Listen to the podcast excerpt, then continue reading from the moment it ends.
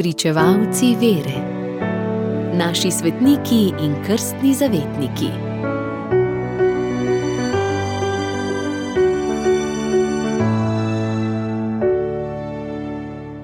Pisatelj Ivan Cankar pripoveduje, da je bil rojen prezgodaj in da je bilo zato njegovo življenje na nitki.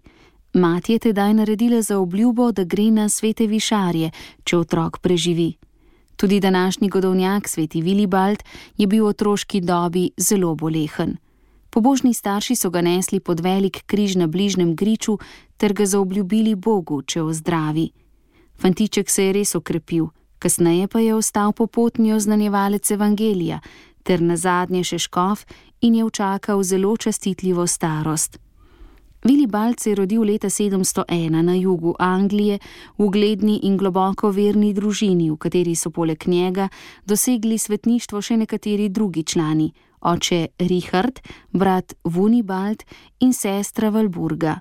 Po že omenjeni za obljubi so starši Vilibalda že pri petih letih oddali v benediktinski samostan Waldham, kjer je bil deležen vsestranske izobrazbe in je dobil veselje do redovniškega poklica. Predstojniki so mu dali posebno nalogo: razgleda naj se po krajih, kjer cvete bogoljubnost, da se pripravi za vzgojiteljsko službo. Ko mu je bilo 20 let, se je odpravil na pot, na kateri sta se mu pridružila še oče Richard in brat Vunibald. Čez Rokavski preliv so šli najprej v Francijo, od tam pa v Italijo, kjer je oče umrl. Obiskovali so samostane in redovniške hiše ter preučevali obrede, pobožnosti in posebej redovna izročila. Vunibald je iz Italije šel v Nemčijo, Vilibald pa je poromal v svete kraje v Palestini ter opisal razmere kristijanov pod oblastjo muslimanskih arabcev. Po vrnitvi iz svete dežele je nekaj časa ostal med benediktinskimi menihi na Monte Cassinu. Leta 740 ga je poklical k sebi papež Gregor III. in mu sporočil željo svetega Bonifacija, sorodnika Vilibaldove družine, naj mu pride pomagati obnavljati krščansko življenje v Nemčiji. Ustavil se je v kraju Eichstadt na Bavarskem, kjer je leta 741 prejel mašniško posvečenje, leto kasneje pa še škofovsko. V svojem škofijskem mestu je dal zgraditi velik samostan in nano prvo prenovo verskega življenja v svoji škofiji. Okoli leta 750 sta mu prišla v pomoč brat Vunibald in sestra Valburga, ki jima je izročil vodstvo dveh novih samostanov, moškega in ženskega v Heidenheimu pri Nürnbergu. Oba sta zelo uspešno delovala. Škofovsko službo v Eichstatu je upravljal kakšnih 45 let. Svojo dušo je izročil Bogu 7. julija leta 787.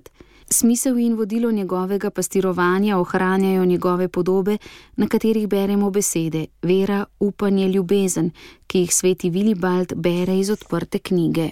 Ime Vilibald izvira iz nemščine, pomeni volja in drzen oziroma pogumen, podobno kot ime Viljem. Danes zgodujejo tisti slovenci, 143 jih je, ki so pri krstu dobili ime po njem ali so bili poimenovani v katero od sorodnih oblik: Baldo, Vili, Vilko.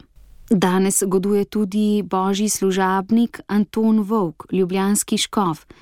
Ljubljansko škofijo je vodil v težkih časih po drugi svetovni vojni. Med leti 1945 in 1963, ko je bil potreben prav tak škof, globoko zakorenjen v Bogu, široko odprt za ljudi, mož vere in zaupanja, ki je vlival zaupanje svojim duhovnikom in vernikom. Daritev njegovega življenja je bila končana 7. julija 1963. Številne priče, ki so načkofa Vovka poznale, potrjujejo, da ta pogumni pastir božjega ljudstva resnično zasluži čast oltarja.